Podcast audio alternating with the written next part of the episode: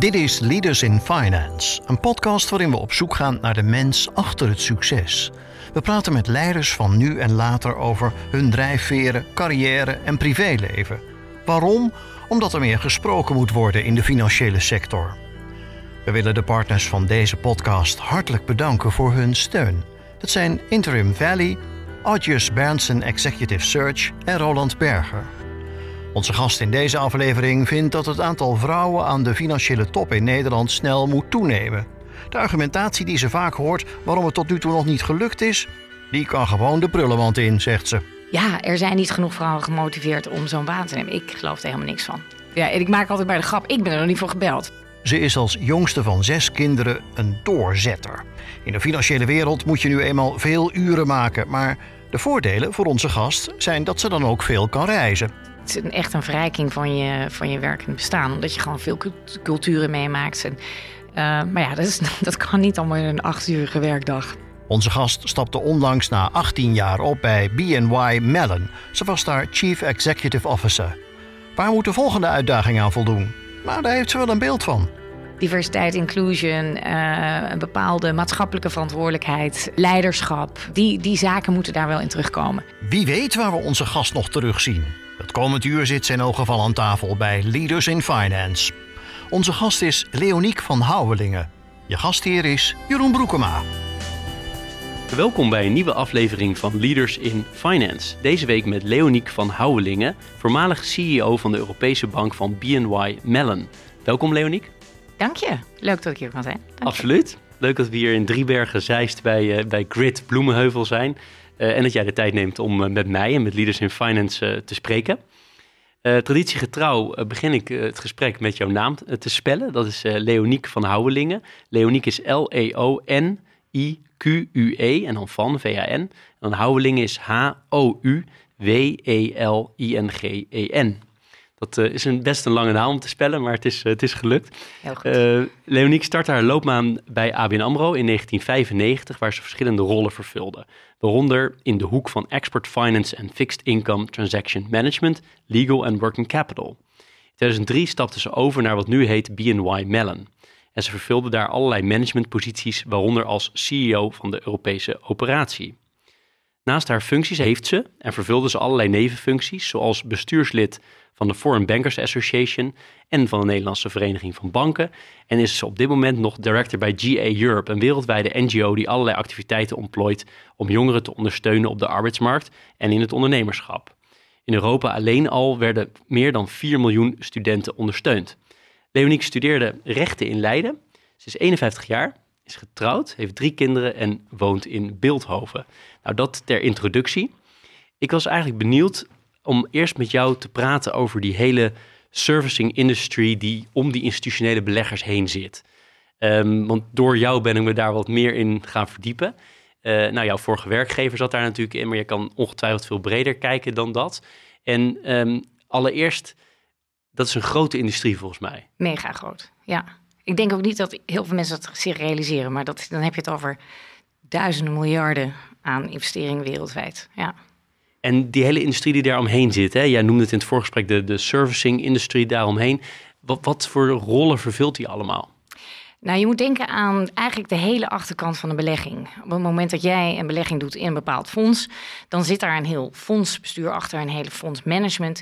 En die stukken die moeten aangehouden worden. Die zitten ergens. Hè. Je, je kan beleggen in, in Amerika, in, in China, in welk land dan ook. Nou, die stukken die, die moeten aangehouden worden, die moeten geregistreerd worden, die moeten worden gewaardeerd. Die moeten, eh, daar zitten bijvoorbeeld rechten aan, hè, eh, belastingteruggave of je mag eh, stemmen. Er zit aan. Dat is eigenlijk wat een service provider doet. En, dat is, en, dat, dat is een hele grote business. Hè. Ehm, daarin, eh, dat is wereldwijd. Je geeft dus ook, hè, je services zijn in 104 tot 107 landen waarin geïnvesteerd kan worden wereldwijd. En ehm, die business richt zich vooral op wat we dan noemen de achterkant van de belegging. Nou, en wat, daar komen nog allerlei andere zaken bij. Dan moet je aan bankactiviteiten denken voor een exchange. Als jij uh, euro's aanhoudt, maar je moet in dollars betalen voor een, uh, voor een aandeel, dan doen wij daar ook de foreign exchange van. Maar je moet ook bijvoorbeeld denken aan de, het aanhouden van geld op, in, op, een, op een rekening, omdat je natuurlijk moet kunnen vinden. Um, er zit eigenlijk allerlei collateral management. Het is eigenlijk heel technisch. Je kunt je stukken uitlenen. dus, dus er zitten nog heel veel aanverwante diensten. En dat doen eigenlijk de, de, de grote wat we noemen dan de investment services companies. Uh, die verzorgen eigenlijk al die, al, die, al die diensten. Helder. En is het nou mijn beeld, mijn stereotype beeld, dat Amerika hier verreweg het grootste is? Klopt dat? Dat klopt eigenlijk wel een beetje. Want als je kijkt naar de grote spelers in de markt, dan uh, is daarvan de grootste, grootste deel komt, heeft zijn, eigenlijk zijn, zijn homebase in, in Amerika. Ja, want kan je eens wat namen noemen, zo een top of your head, waar je zegt dat zijn grote partijen? Nou, denk aan uh, dus BYMLN, State Street, JP Morgan, um, je hebt Northern Trust, uh, Citibank. Nou ja, goed, dan, uh, dan heb ik er. En dan, een andere partij is HSBC, nou dat is dan de outlier, maar over het algemeen de grote spelers zitten wel, uh, komen uit Amerika. Ja, dat klinkt inderdaad heel Amerikaans. ik weet niet of er ook wel echt grote Aziatische partijen zijn die dit doen. Ja, HSBC is dus een, is een voorbeeld. Maar uh, vooral uh, ja, is dat de core business vanuit, vanuit grote, echt grote, grote banken. Ja, helder. En is Nederland een interessant land omdat we bekend staan om grote pensioenfondsen en asset ja, managers? Nederland is een heel interessant land. wat je zegt, we zijn eigenlijk, als je naar voor, het is een klein land, maar is heel, heel rijk in assets. We hebben een enorm ontwikkelde pensioenwereld hier. Een van de voorlopers in de wereld eigenlijk. Um, we hebben een aantal fondsen hier die behoren tot de top 5 in de wereld. En dat zijn natuurlijk heel veel, heel veel assets. Wat ongelooflijk interessant is voor de asset managers uh, die hier graag willen zijn, maar ook voor partijen zoals de investment services uh, companies. Die, ja, daar zit, daar zit een, een, een goed verdienmodel. Ja. En gaat er nou um, veel consolidatie plaatsvinden? Want je ziet laatst ja. die overname door Goldman, uh, Goldman nam LNIP over. Ja. Uh, zie je dat nog veel meer gebeuren?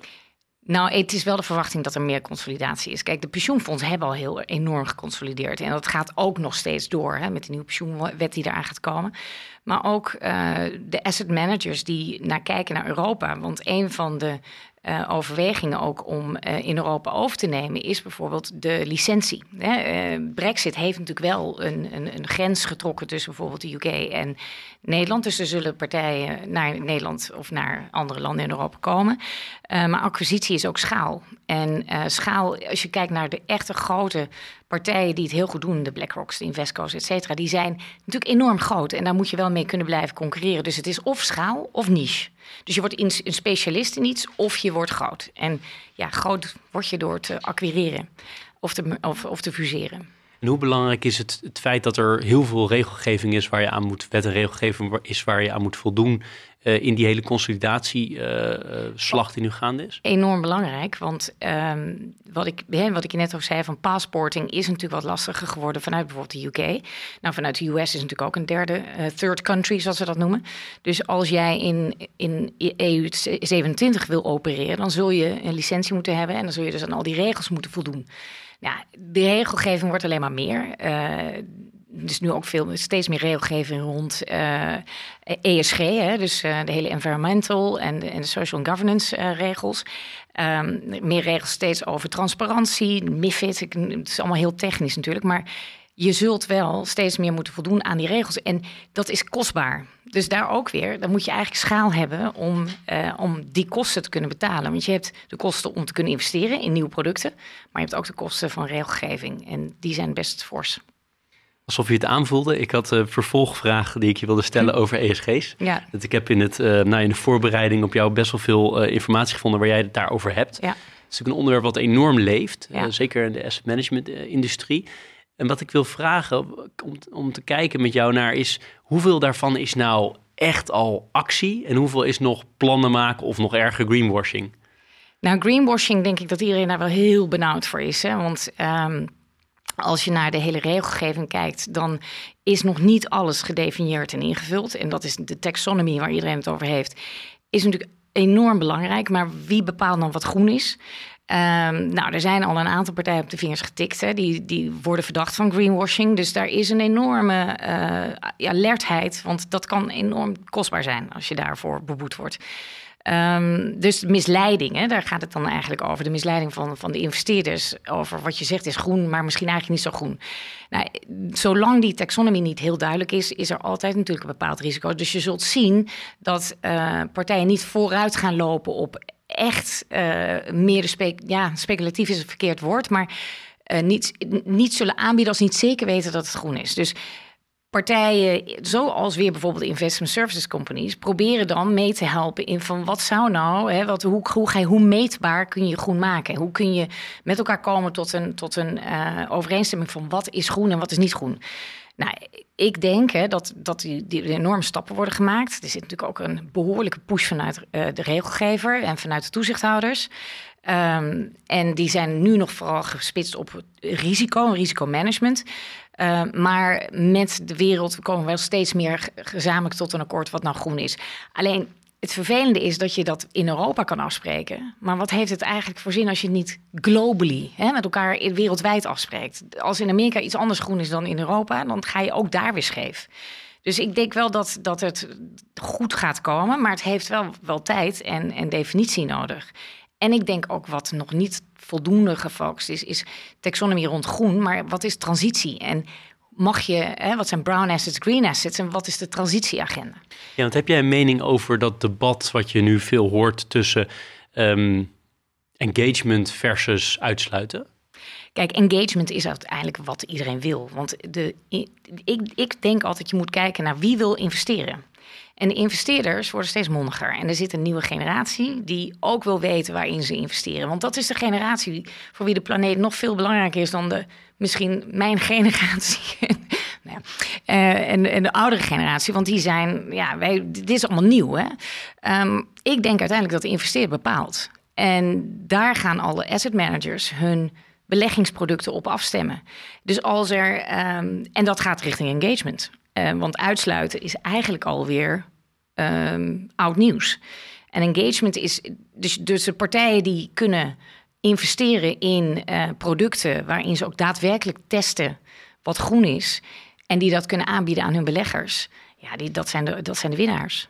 Maar uiteindelijk neem ik aan dat engagement wel ook eindigt op een bepaald punt. En dat je zegt van, nou, als jullie niet die, die kant op gaan, die richting in gaan, dat we dan wel stoppen met beleggen in jullie. Absoluut. En dat die engagement is natuurlijk uiteindelijk uh, de, de, stem van de aandeelhouder of van de, van de belegger. Uh, die gaat bepalen wat wel en wat, wat niet kan. En natuurlijk die hele discussie rond Shell is natuurlijk een voorbeeld van waar de activistische, uh, de, de, aandeelhouders of de beleggers uh, zichzelf naar voren pushen van ja, jullie moeten die kant uit. En dat, zal, dat ga je steeds meer zien. En op het moment dat die transitieagenda niet voldoende vordert, ja, dan zul je uitsluiting zien van partijen die misschien wel altijd als grote, uh, ja, degelijke partijen altijd zijn geweest, waar zo werden gezien. Ja. Ja, want altijd even over, er gaan gigantische bedragen om in die asset management industrie. En als die partijen zeggen, wij trekken onze belangen in deze grote organisaties die vervuilen of die op andere ESG-normen niet voldoen aan, de, nou ja, aan wat men zoekt. Heeft dat nou echt impact of worden die assets dan gewoon gekocht door, door partijen die daar een nieuw businessmodel in zien? Ja, dat gaat natuurlijk ook gebeuren. Hè? Want je kunt niet helemaal uitsluiten dat, dat als het alleen maar brown assets zijn, dat er dan niet in wordt gehandeld. Uh, de verwachting is dat ook daar nog steeds markt voor zal zijn. En dat daar ook best heel veel geld in verdiend zou kunnen gaan worden. Um, ik denk dat het uiteindelijk richting um, de, ja, de, de, de, uh, de, wereld gaat natuurlijk wel richting een groene wereld. Hè? En er is natuurlijk in, genoeg incentive om wel aan die groene agenda te voldoen. En ook om die transitieagenda te vervullen. Maar over een bepaalde tijd zal er zeker handel zijn in brown assets. Ja. En jij persoonlijk, is bij jou een intrinsieke motivatie omdat je vaak over die ESG-kant uh, ook praat ja. uh, in het openbaar? Ja, ik ben um, zelf gemotiveerd. Ik denk wel dat uh, de discussie nou ook wel een keertje moet gaan van E naar S en G. Ehm, als je naar Amerika kijkt, dan is die discussie eigenlijk meer op de S gericht. Hè? Ehm, daar heb je die, die hele discussie over Black Lives Matter. Ehm, dat, daar is minder focus op I. Dat begint nu te komen met de Biden-office. Dat uh, gelukkig, hè, dat weer de Parijsakkoord weer wordt, uh, wordt omarmd. maar in, hier vooral in, in Europa is hij nog heel erg op environmental. En dat, het is een bredere discussie. Um, en ik, ja, ik ben altijd zelf wel heel gepassioneerd daarover, omdat ik vind dat dat uiteindelijk bijdraagt aan welvaart. Ja, want die hele inclusiviteit en diversity, dat is iets waar jij al uh, blijkt uit mijn voorbereiding al veel eerder mee bezig was dan de meeste mensen. Het is nu natuurlijk heel erg, uh, staat heel erg hoog op de agenda, of er wordt in ieder geval veel over gesproken. Hoe kwam het dat jij daar zo actief mee bezig was? Al? Ja, kijk, ik ben zelf natuurlijk uh, al 30 jaar, of bijna 30 jaar in de industrie. En uh, vooral in, in, in de eerste, laten zeggen, 15 tot 20 jaar, toch altijd wel een minderheid geweest. En nu kan ik nog steeds wel zien dat de financiële industrie een beetje achterloopt. Hè? Die mag nog wel een beetje harder eraan trekken. Internationaal gezien moet ik eerlijk zeggen dat ik wel veel meer vrouwen in het arbeidsproces zie. Um, maar ik ben daar zelf altijd heel gepassioneerd over geweest. Ik vind dat iedereen uh, moet kunnen uh, op, op gelijke wijze moet kunnen werken. En um, nou, er was al heel veel aandacht voor vrouwen uh, in het arbeidsproces. En ik heb me daar ook altijd heel hard voor gemaakt. Maar ik ben in mijn, in mijn vorige, bij mijn vorige werkgever jarenlang de sponsor geweest van de, de LHBT-organisatie. moet altijd heel erg hard nadenken wat het in het Nederlands is. Maar, um, en dat heette PRISM. En dat, dat daar heb ik ontzettend veel van geleerd en heel veel uh, mee meegemaakt. Omdat dat echt wel een groep is die een beetje onder, uh, onder de oppervlakte bleef. En, en in bepaalde landen enorm gediscrimineerd wordt. En echt, echt met, met hè, soms doodstraf ten gevolge. En dat kan ik, daar kan ik gewoon niet bij. Dus ik heb, ik heb daar me heel hard voor gemaakt. Maar ook uiteraard voor uh, vrouwen in het arbeidsproces. Want ja, nou goed, ik, je, je, moet me stoppen hoor als ik het. Nee, nee, go, go, go, go. Want ik, kijk, er is zoveel um, bewijs uh, en, en, en, onderzoek naar gedaan dat bedrijven die dus divers zijn en inclusief en waarbij uh, ook veel vrouwen in het arbeidsproces zitten, maar ook in de senior posities, dat zijn gewoon succesvollere bedrijven. Dus ik begrijp gewoon nog steeds de industrie niet dat niet iedereen die intrinsieke motivatie heeft om een, diverse, uh, om een divers bestuur te hebben die, en de lagen daaronder ook. Ja, dat is voor mij. Ik begrijp, ik heb er een heel groot vraagteken bij. Waarom dat nog zo is. Hè? En het is heel recent weten we ook dat vrouwen, bedrijven geleid door vrouwen minder funding krijgen. Uh, er zijn zelfs bewijs dat uh, in, in de fintech-industrie Um, ik geloof dat iets van 92% wordt geleid door mannen, 8 door vrouwen, omdat ze gewoon geen funding krijgen. Maar de vrouwen die dan uiteindelijk die bedrijven opzetten, zijn het meest succesvol. En dan denk ik, ja, weet je, nogmaals, er is gewoon heel veel bewijs dat uh, diversiteit en inclusie, en ik heb het niet alleen over mannen en vrouwen, maar wel over eigenlijk de hele, gehele diversiteit, dat dat uh, veel betere bedrijven zijn. Mooi, en je, je praat daar enorm passief over. Dat, dat, is wel, dat is wel duidelijk. En nog even die laag eronder van waar die motiva eh, motivatie vandaan komt. Want is dat ook dat je als vrouw zelf last van bepaalde dingen hebt gehad? Oh ja, absoluut. Ja, ja kijk, weet je... Um, ik, ik heb het bij mijn sollicitatie, toen ik 28 eh, jaar geleden ging solliciteren, meegemaakt. Hè, dat je afwijzing krijgt, meneer Van Houwelingen, uh, dank u voor uw brief. Um, en toen heb ik gebeld. Heb ik gezegd van, jullie moeten op zijn minst kijken wie er een brief stuurt. Ja, en toen mocht ik wel komen, ben ik niet gegaan. Um, en ik heb eh, in, in gesprekken gezeten met een heel groot advocaatkantoor. En ik ga geen namen noemen, maar mijn god, wat was dat een, uh, een testosteron gedreven uh, partij. En, en dat zou nu op een heel ander... Ik, zou er, ik kijk er nu heel anders naar. Destijds dacht ik, nou ja, het is zo. Ik wilde gewoon niet werken, klaar. Nu kijk ik naar en denk ik, dat zou echt nu in deze tijd helemaal niet meer kunnen. Dus er is wel heel veel veranderd, heel veel ten goede. En um, we moeten de balans goed vinden, hè, vind, dat vind ik wel. Um, maar ik ben wel blij dat in die, ja, in die 27, 28 jaar ongelooflijk veel stappen al zijn gezet.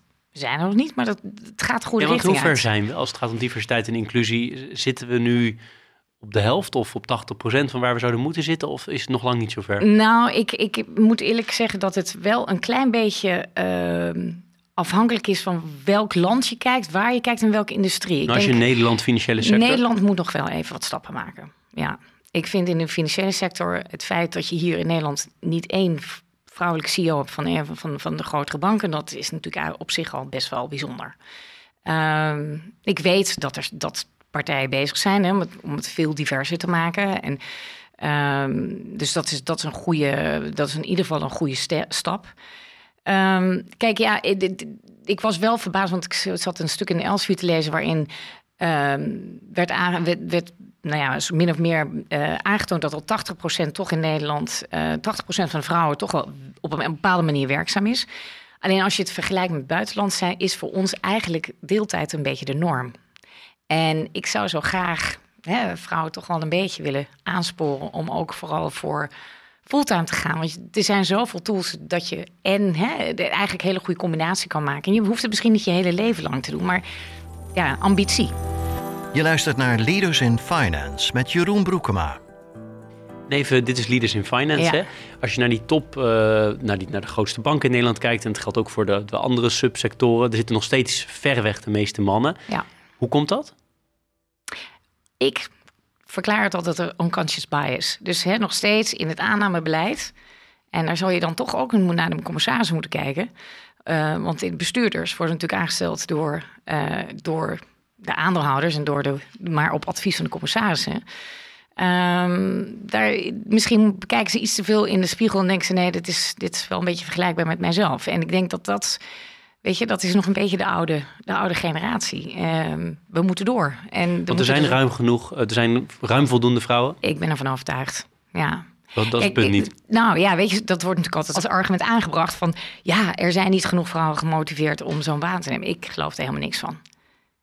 Um, ja, en ik maak altijd bij de grap, ik ben er nog niet voor gebeld. Weet je, dus het geeft aan dat er niet. Dat hoeft helemaal niet, ik meer. Het is niet een. een uh, je moet iets verder zoeken misschien. Uh, en, en, um, en vrouwen mogen ook wel wat ambitieuzer zijn. Um, daar ben ik ook wel uh, van overtuigd. Maar het is geen argument. Het is geen argument. Het is niet. Uh, waarom kan het in heel veel andere landen wel? En hoef je helemaal niet ver te gaan. Ga naar de Nordics, ga naar, naar, naar Amerika. Uh, nou, moet ik wel even een, een, zijstap. Er zijn, uh, als je naar de 14 grootste banken ter wereld kijkt, is pas in maart vorig jaar de eerste vrouwelijke CEO aangesteld. Jane Fraser van Citigroup. En dus het, het is natuurlijk nog wel een traditionele industrie. Maar wel hebben die, de boards overal wel veel meer stappen gezet naar vrouwen in boordposities. Ja, ik kan me voorstellen als je gewoon naar de, bijvoorbeeld de traineeships van de banken kijkt. Als daar nog steeds niet 50-50 wordt aangenomen, dan is de doorstroming natuurlijk ook lastig. Moet je het vaak van buiten halen. Ja. ja. Daar begint het, neem ik aan. Ja, terwijl ik toen ik bij ABN begon, um, en ben ik in een traineeship begonnen. En toen was ik eigenlijk wel blij verrast door hoeveelheid vrouwen die daar toen werden aangenomen. En een aantal daarvan hebben best wel mooie carrières gemaakt. Dus het zit er wel. Het, zat er toen eigenlijk al. Het is de meest vooruitlopende uh, werkgever, vond ik dat hoor, op, vergeleken met de rest. Um, maar we moeten wel, we moeten wel, uh, wel door. En als het in andere industrieën kan, uh, kijk naar de media, communicatie, kijk naar, uh, heet het, PostNL, kijk naar, die hebben ook vrouwelijke CEO's. Het, moet, het kan, het kan absoluut. Helder helemaal terug naar jou, uh, naar hoe jij bent opgegroeid. Wat, wil je daar iets over delen, hoe dat, hoe dat ongeveer uitzag? Ik, ik, las Kesteren, klopt dat? Kesteren, ja. ja. Uh, een klein dorpje. Uh, best wel een, een, een, christelijk dorp. Ehm, met, ja, mijn vader was onderdirecteur van de MAVO. mijn moeder huisvrouw. Ehm, was wel altijd heel druk bezig met allerlei vrijwilligerswerk. zes kinderen. ik ben de ene jongste. En uh, ik heb een hele gelukkige jeugd gehad. Ik heb een hele beschermde, uh, gelukkige jeugd gehad. Wel een waar uh, mijn ouders altijd wel stonden voor. zorg voor jezelf, haal het maximale uit je studie. het was niet zo dat, dat je boven je macht moest gaan werken, maar wel als je dan iets deed, dan moest je het ook afmaken. Um, en, en probeer te pakken wat je pakken kan. Um, en ik vond al heel snel dat dorp veel te klein voor mij. Ik bedoel, ik vond het een saai dorp. Um, dus ik was altijd wel op zoek naar het grotere avontuur. Dus dat zit denk ik ook wel een klein beetje in mij. Um, maar ja, wel, wel een, een, een, mooie, gelukkige jeugd met ja, een beetje saai af en toe zo'n zo'n dorp. Maar het was verder eigenlijk gewoon je ging in Venen dan in de middelbare school, ja, was ik. Dus dat was dan weer iets groter. Dat was weer iets groter. Moest wel een eindje voor fietsen. Maar uh, nee, ja, absoluut. En je zei een christelijk dorp. Ben ja. je ook heel christelijk opgevoed dan? Ik ben niet heel christelijk opgevoed. Ik ben wel in het begin, zeker in het begin uh, tijd van mijn jeugd, wel bijna iedere zondag naar de kerk. Uh, wel in hervormde kerk, dus het was, je mocht wel in je spijkerbroek komen. Maar uh, ja, ik heb het wel, wel een christelijke achtergrond. Ben je, daar nog, ben je dat nog steeds? Of ben je daar van afgegaan of juist nou, bijgebleven? Ik, nee, ja, ik moet eerlijk zeggen, ik ga eigenlijk nooit meer naar de kerk. En als ik ga, dan is het met kerst. Um, en dan ga ik meestal met mijn moeder mee.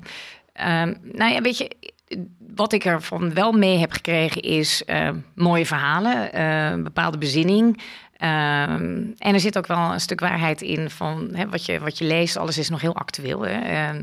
dus het is ook wel, het, heeft wel, het is wel een deel van mijn opvoeding geweest. Ja, en natuurlijk een klein beetje Calvinistisch, maar wel met bepaalde normen en waarden. En die normen en waarden, die heb ik nog wel steeds in mijn day-to-day. -day. En dat denk ik wel dat ik dat van thuis heb meegekregen. En door ook uh, mijn christelijk geloof. Uh, ik ben niet meer enorm christelijk, maar ik heb nog wel iets van dat er iets is. Maar ik niet meer op deze manier, nee. je zei je vader was um, aan het werk ja. uh, op de school en je moeder was thuis. Ja. Heeft dat ook nog even link met dat gesprek wat we eerder hadden over vrouwen in het arbeidsproces en op, op topfunctie? Heeft dat ook nog een bepaalde rol gehad? Mijn moeder is de grootste motivator voor mij geweest. Die um, denk ik eerlijk gezegd dat zij veel meer had gewild. Ook omdat ze ja, de, de, absoluut wel de brains ervoor had en de, en de, en de uh, passie en de motivatie. Maar in een bepaald keurslijf is gekomen van traditionele patronen. Um, maar zij was absoluut mijn grootste motivator. Zij zei altijd van, uh, weet je, ik heb die kans nooit gekregen, pak hem. En um, ze heeft dus wel het maximale uitgehaald. Hè. Uh, allerlei opleidingen gedaan. Uh, uh, de bibliotheek geleid in het dorp. En, maar ik merkte wel aan haar dat zij altijd zoiets had van... Nou, ik had wel nog meer gewild. En ehm, ze was heel super gelukkig om voor de kinderen te zorgen. Daar gaat, dat was niet het punt. Maar ik denk wel dat ze ergens nu achteraf gezien wel wat meer had gewild. Ja. Nou ja, druk genoeg, zes kinderen lijken. Ja. ik, heb er, ik heb er zelf vier, dus ja, zes is, lijkt me heel heftig. ja, het is altijd druk bij ons. En dan meestal ook nog allerlei mensen, alle gasten aan tafel. Want dat was bij ons altijd komen en gaan. Dus, ja, en was het jongens, meisjes? Hoe was die verhouding? Drie jongens, drie meisjes. Oké. Okay. Ja. ja. Je, je vond het een beetje klein, dus je dacht ik ga uitvliegen. Had je beeld bij waar je naartoe zou gaan toen je op de middelbare school zat? Ja, zo ver mogelijk bij het dorp vandaan. ik, wilde, ik wilde vooral gaan studeren waar ik op kamers moest en waar ik in ieder geval weg kon. Uh, ja, dat, dat was wel, dat wilde ik wel heel, heel graag. Die grote wereld in. Ja. En wat? Nou ja, dat toen. Uh, toen ik op de middelbare school uh, zat, toen had ik wel zoiets, ik ga sowieso studeren. En ik wist alleen heel lang niet wat. Um, en toen heb ik uiteindelijk voor een beetje een algemene studie gekozen rechten. En toen heb ik al gekeken, nee, Utrecht is er dichtbij. Dus ik moet in ieder geval naar Leiden. En, en dat was mijn, mijn, uh, mijn doel. En ik wilde daar ook hè, in het studentenleven. Um, en ik had inmiddels mijn vriendje opgedaan en die zat in Delft. Dus het was uiteindelijk, weet je, dat was al die hele hang naar, uh, naar een andere wereld. Die had ik al vrij vroeg. En waarom Leiden? Want je had ook in, weet ik, in, in um, Amsterdam waarschijnlijk ook recht kunnen studeren, of is dat niet zo? Nou, ik vond Amsterdam niet zo aantrekkelijk als studentenstad. Mijn, uh, mijn, mijn oudere zusje zat ook in Leiden. Ik vond het wel een heel gezellige stad. En uh, ik, ja, ik heb er eigenlijk ook nooit spijt van gehad. Het zit een leuke studententijd gehad. Nee, ik kan me voorstellen. Ik heb zelf ook gestudeerd, dus uh, Leiden. Dus, uh, ja, ja. Nee. Want dat wilde ik vragen. Hoe typeer jij je studententijd? Wat voor soort, je zegt de mooiste tijd van mijn leven. Is ja. dat omdat in het, in het feestkant of aan de studiekant? Nou, het was een combinatie. Want kijk, studeren was op zich soms een beetje een bijzaak, moet ik eerlijk toegeven. Maar ik heb wel uh, allerlei andere dingen gedaan. Hè. Dus een, een integrant bestuur. Ik heb uh, op mijn studentenvereniging een commissie gedaan. Ik heb altijd gewerkt in horeca vooral. Um, dus ik heb eigenlijk altijd een combinatie van studie, werken en, um, en, en commissietjes erbij. Maar ja, natuurlijk ook gewoon het feestleven. Ja, um, daar heb ik ook wel intens van genoten. Ja. In gerechten doen, dacht je, daarmee ga ik uh, de advocatuur in? Ja, in eerste instantie wel. Ik heb ook een stage gelopen. En daar ook uiteindelijk op sollicitatiegesprek gezeten. En toen dacht ik, nee, uiteindelijk... En een van de redenen was wel dat... Um, ik was wel zo ambitieus dat ik dan mijn groot kantoor wilde. Maar toen ging de partner stellen hoeveel daarvan vrouwen waren. Nou, dat was echt... Ja, dat was maar één. Um, en ik denk dat ik toen wat misschien wel een beetje het setje is om niet in de advocatuur te gaan, is dat die vrouwelijke partner tegen mij zei: Als je succes wil hebben, geen gezin en geen, uh, geen man, vooral heel hard werken. En toen dacht ik, ja, nou goed, daar werd ik niet heel erg blij van. Dus, en het, misschien was het een grap, uh, heb ik het niet goed geïnterpreteerd, maar het was wel een bepaalde, ja, er, kwam wel, er zat natuurlijk wel een ondertoon in. En toen kwam jij terecht bij ABN AMRO. Hoe, hoe, ging dat? Waarom ABN AMRO? Nou, ik, ik had niet eens heel erg over de financiële industrie uh, nagedacht. Ik, uh, ik ben nog ondertussen heb ik nog een uitstapje gemaakt bij KPN gesolliciteerd en bij Heineken. En dat zijn natuurlijk twee totaal verschillende bedrijven. En toen uh, sprak ik een vriendinnetje van mij die zei: ga nou eens even praten met een vriend die van mij die werkt bij ABN AMRO. Daar heb ik mee gesproken. Wim Meijs, ik mag zijn naam echt wel noemen, want we zijn nog steeds heel goed bevriend. Hoofd van de EBF. Ja, EBF, ja. ja. En en die heeft mij overtuigd. En uh, ja, en het grappige is, want er kom je uit zo'n klein dorp. Mijn vader zat altijd in het lokale bestuur van de Rabobank. Uh, als een van zijn uh, nevenfuncties. Dus wij waren Rabobank. En dat was toen nog echt, als je bij Rabobank was, zat je niet bij ABN AMRO. Dus het was nog best wel een stap om dan bij ABN AMRO te gaan werken. Um, maar ja, heel, een hele leuke tijd gehad. Ik moet echt een, nou, stond volgens mij toen ook wel het boek als de beste werkgever uh, van Nederland. En dat heb ik ook wel zo ervaren. Ja, want je bent toen gaan werken aan de investment banking kant. Ik ben begonnen in legal, dus echt in juridische zaken. Dat heb ik drie jaar gedaan. Alleen toen had ik al een enorme hang naar de commercie. Want toen denk ik, ja, laat mij stage lopen in kantoor Rotterdam. Dat heb ik ook gedaan. Um, omdat de relatie tussen juridische zaken en Rotterdam kantoor was niet zo heel goed. Zeg ik, nou weet je, dan ga ik daar wel uh, vredestichter zijn. Dat is uiteindelijk een hele leuke tijd geweest ook. En toen ben ik zo'n beetje in de investmentbank gerold. Um, en daar heb ik aan, aan de export finance kant gezeten. En uiteindelijk ook voor de dealingvloer uh, gewerkt. Um, en zo ben ik eigenlijk in het hele BMML verhaal gerold. Want ik wist niet eens wat custody was. Ik had nog nooit van gehoord, het hele bewaarbedrijf. En het leek me de minst sexy kant van een bank. Uh, maar uiteindelijk heb ik er nu 18 jaar uh, in uh, gewerkt. En dat is het absoluut niet. Absoluut niet saai. Maar ja, sowieso langzamerhand in de investmentbank gerold. En toen uh, voor ABN AMRO Mellon destijds, dat nu BNO Mellon is gaan werken. Ja, want dat er inrollen, daar wil ik nog wel een beetje ja. op doorvragen. Want ja. ik begrijp dat dat uh, kwam omdat ABN AMRO een deel van ABN AMRO fuseerde... of een joint venture opzette ja. met Mellon toen. Die hebben jou eigenlijk gewoon geheadhunt toen? Ja, die hebben toen die, toen die joint venture stond. Want ik representeerde de belangen van ABN AMRO.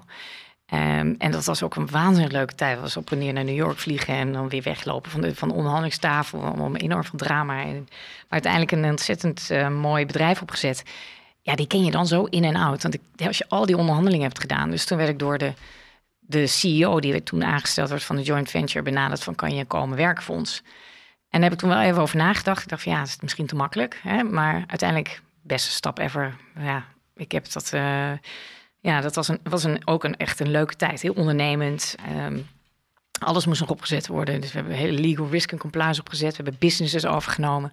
Echt een soort speedboot was het. En ja, totdat je dan weer fuseert met een hele grote partij. En uh, ja, dan, uh, dan wordt het weer net iets anders. Maar ook weer heel, een hele mooie tijd gehad, ja. Ja, want je zegt de, beste stap ooit was dat dus met name omdat het wat kleiner was en je zelf kon beslissen en alles kon opbouwen. Is dat de hoofdreden? Nou ja, kijk, je werkt natuurlijk, ik werkte natuurlijk voor ABN AMRO en dat was natuurlijk een soort van Um, en daar, had in, daar werd je helemaal begeleid in je carrière.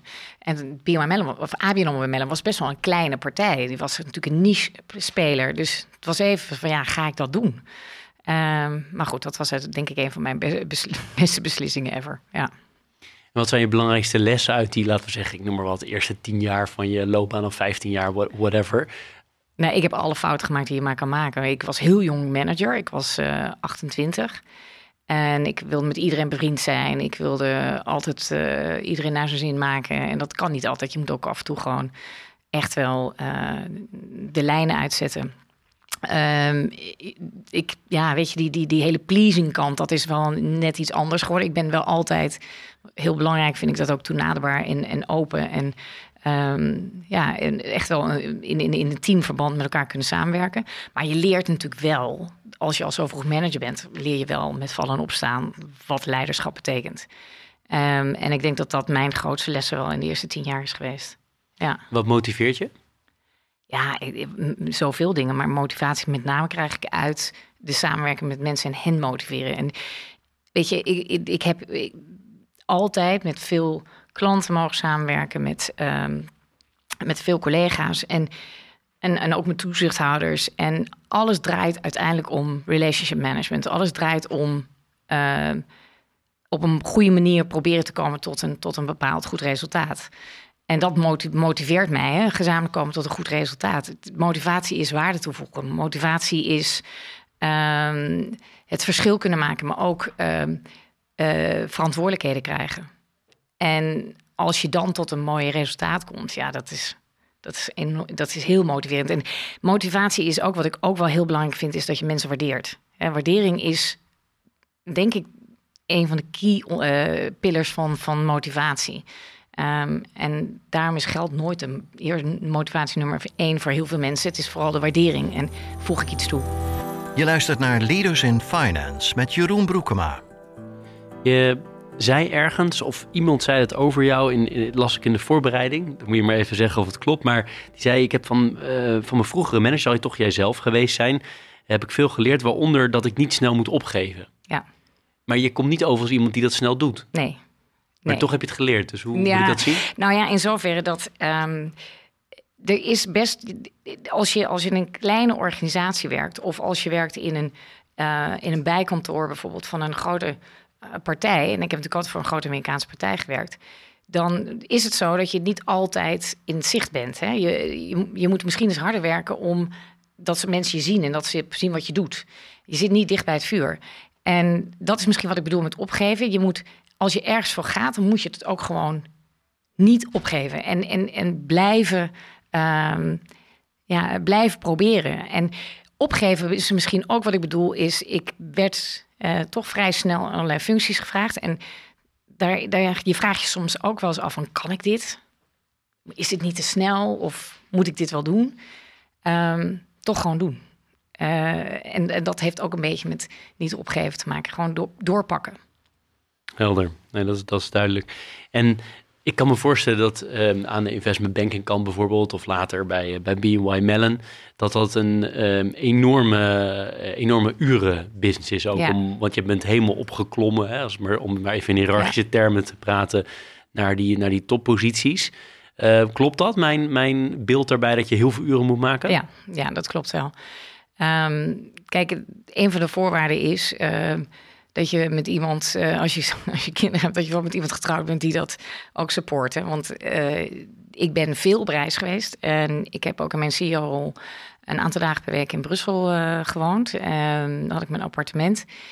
Um, kijk, en veel uren is eigenlijk helemaal niet zo heel belangrijk. Als je doet wat je leuk vindt, dan lukt het je. En ja, ik was, ben en, en het zal waarschijnlijk altijd zijn de moeder die dan wel even afwezig is uh, als we op vakantie zijn, even ergens uh, de, de laatste e-mails of een, of, een, of een telefoontje aan het maken is. Of misschien komt er ineens iets heel belangrijks tussendoor, moet je even dingen skippen. Maar daar, daar raakt ook wel je gezin aan gewend. En um, veel uren kan ook zijn dat je het zo indeelt dat je wel even met elkaar eet, dat je daarna nog even wat doet of dat je vroeg begint. Um, maar het reizen is wel hetgene wat heel erg veel tijd kost. Uh, nou heb ik reizen altijd enorm leuk gevonden. En het is een, echt een verrijking van je, van je werkend bestaan. Omdat je gewoon veel culturen meemaakt. En, en, en ja, veel mensen leert kennen. En uh, veel van de wereld ziet. Uh, maar ja, dat, is, dat kan niet allemaal in een acht uurige werkdag. Past helemaal bij dat beeld van dat je kerst te klein vond. Dus, wel, uh, wel grappig. En, en, als je kijkt naar, naar trots, als je gewoon even een beetje, een beetje arrogant mag zijn, waar ben je dan zelf persoonlijk het meest trots op in je loopbaan?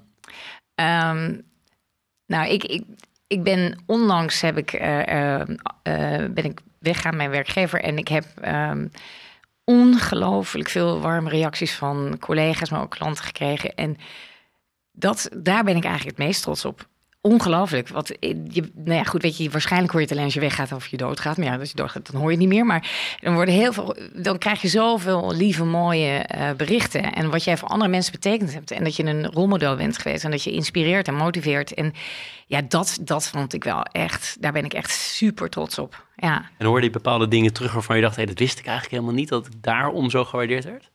Nou ja, kijk, ik ik heb best wel um, uh, wat mensen geholpen zonder dat ze het wisten, dacht ik. een beetje achter de coulissen gepusht, et cetera.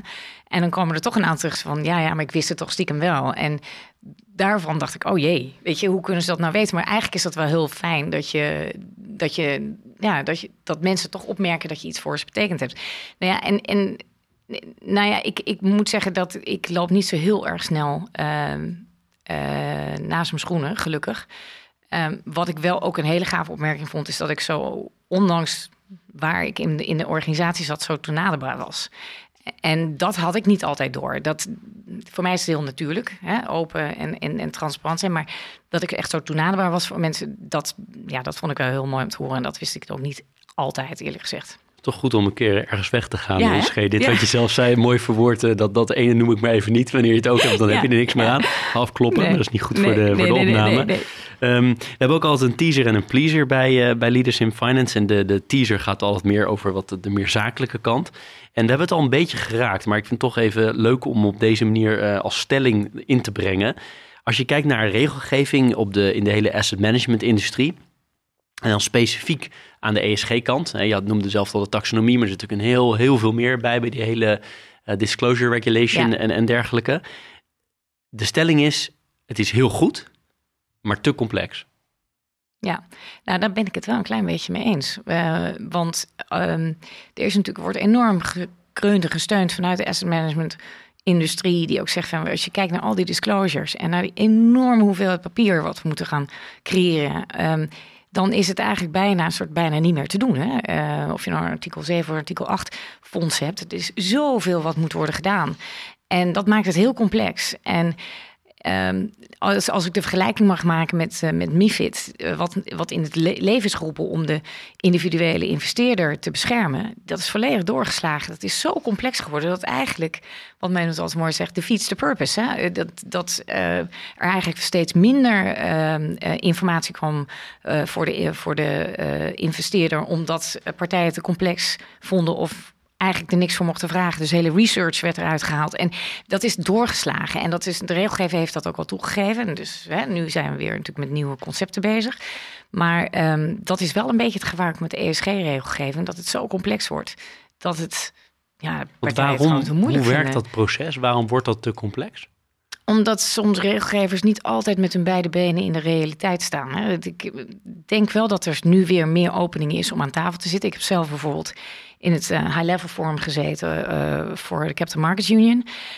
Um, dat, het feit dat de private en de public sector weer aan tafel zitten, is een heel goed, uh, goed, goed idee en sowieso een goede ontwikkeling. Maar dat heeft een hele tijd is dat niet meer zo geweest. Hè? Want de banken zaten toch een beetje in het verdomhoekje, de schuldigen van de financiële crisis. Dus die mochten niet aan tafel. Ja, dan, dan mis je dus ook een beetje die marktwijsheid. En met ESG, daar zitten natuurlijk wel heel veel partijen op, maar moet wel blijven, uh, moet wel relevant blijven voor de markt. Het moet ook wel relevant blijven voor wat je wil bereiken. Namelijk dat er veel meer geïnvesteerd wordt in groene, uh, uh, groene producten. Ja, dus ik, ik, ik, hoop dat het niet complex wordt, maar het heeft er wel een beetje een schijn van dat het complex wordt. Slechte teaser.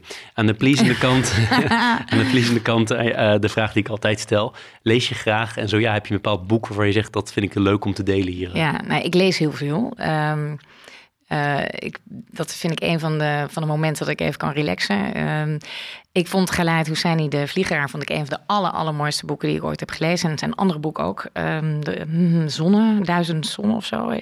Um, ik hoop gewoon dat die man nog steeds nog veel meer boeken gaat schrijven. Want ik heb echt nu drie zijn. Ik geloof dat hij drie heeft geschreven. Daar zo van genoten. Omdat het zo'n.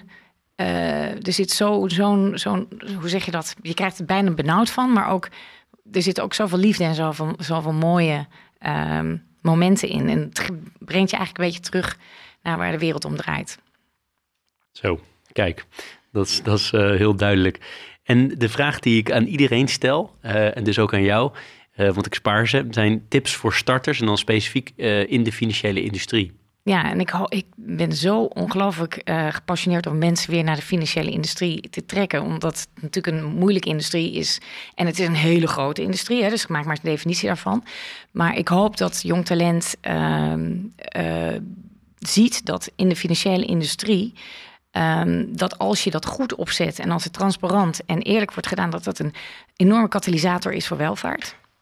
En, en dat je met, ehm, met de, de financiële producten de wereld kan beïnvloeden. En dat je dus die welvaart voor iedereen toegankelijk kan maken.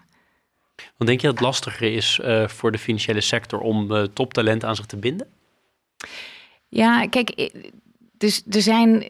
Dus ik denk dat het financiële industrie, met name ook de banken, een beetje een stoffig imago hebben.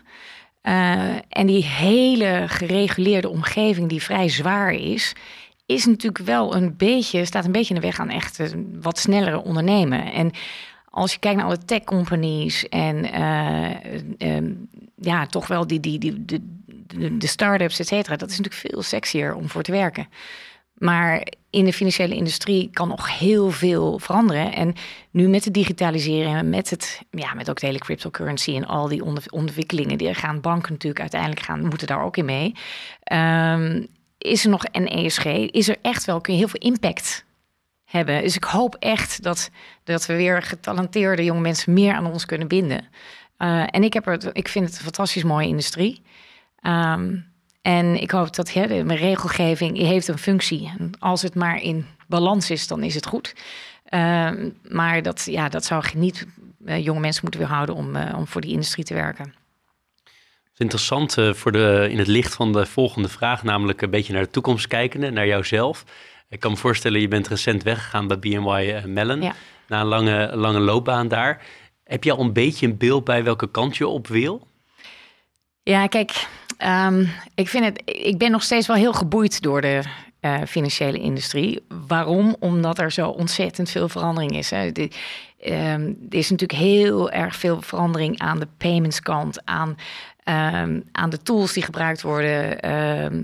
Uh, dus soms dan staan we er helemaal niet genoeg bij stil. Maar Tiki is voor iedereen nu iets heel makkelijks en overzicht. Maar het is waanzinnig uh, innovatief en, en heel en, heeft iedereen gebruikt. Dus, het, dat is eigenlijk wel een beetje met wat als je een, een, een innovatie hebt, dan is het al heel snel is iedereen eraan gewend. Dus je moet iedere keer weer terug door naar de volgende innovatie. En dat maakt het natuurlijk ook wel een hele leuke industrie.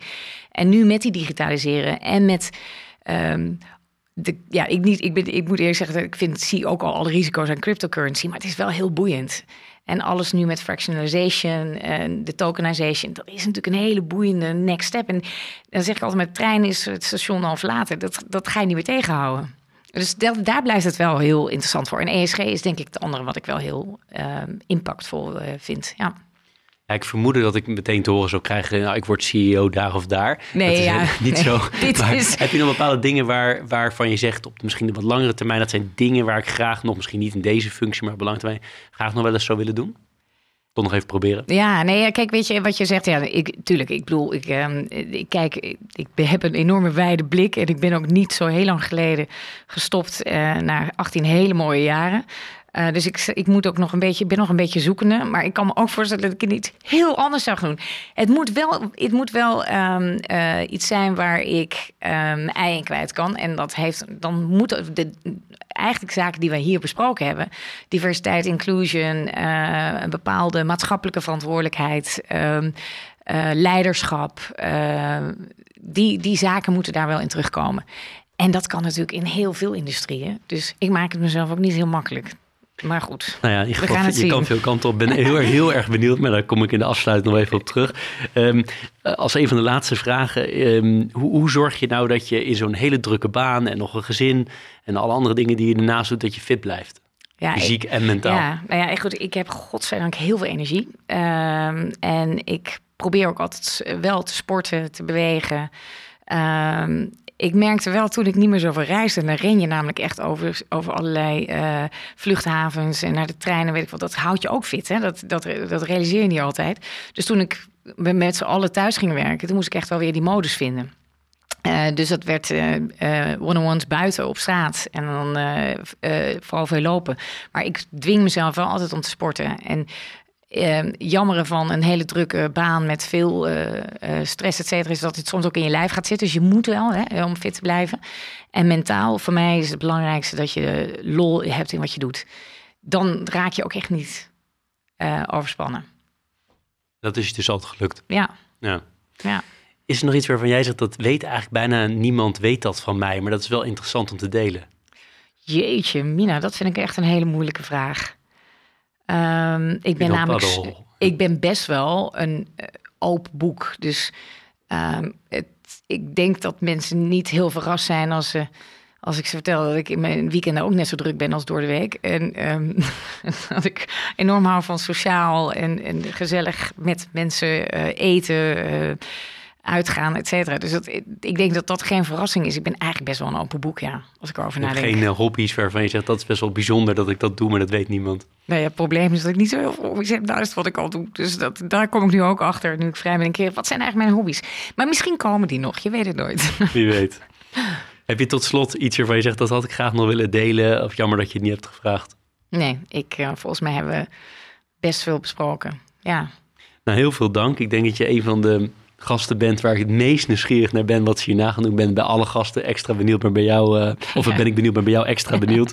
dus dat gaan we volgen. En eh, nou ja, als dat weer een CEO-achtige baan is in de financiële sector, dan eh, nodig Dan ik je heel graag nog een keer uit. Mocht je daarop in willen gaan, dan als je dit, dit wel of niet leuk vond. Maar in ieder geval heel erg bedankt voor je tijd. Ja. Ontzettend leuk gesprek en veel Super geleerd. En, eh, dus dankjewel. Je geweldig. krijgt namens Bocca, dat staat hier naast mij, Bocca Koffie, een B Corp gecertificeerd bedrijf, krijg je nog een, een klein cadeautje voor eh, als dank voor je deelname. Dankjewel. Super. Dit was Leaders in Finance. We hopen dat je deze aflevering met veel plezier hebt beluisterd. We stellen je feedback erg op prijs. Wat houdt je bezig en over wie wil je meer horen?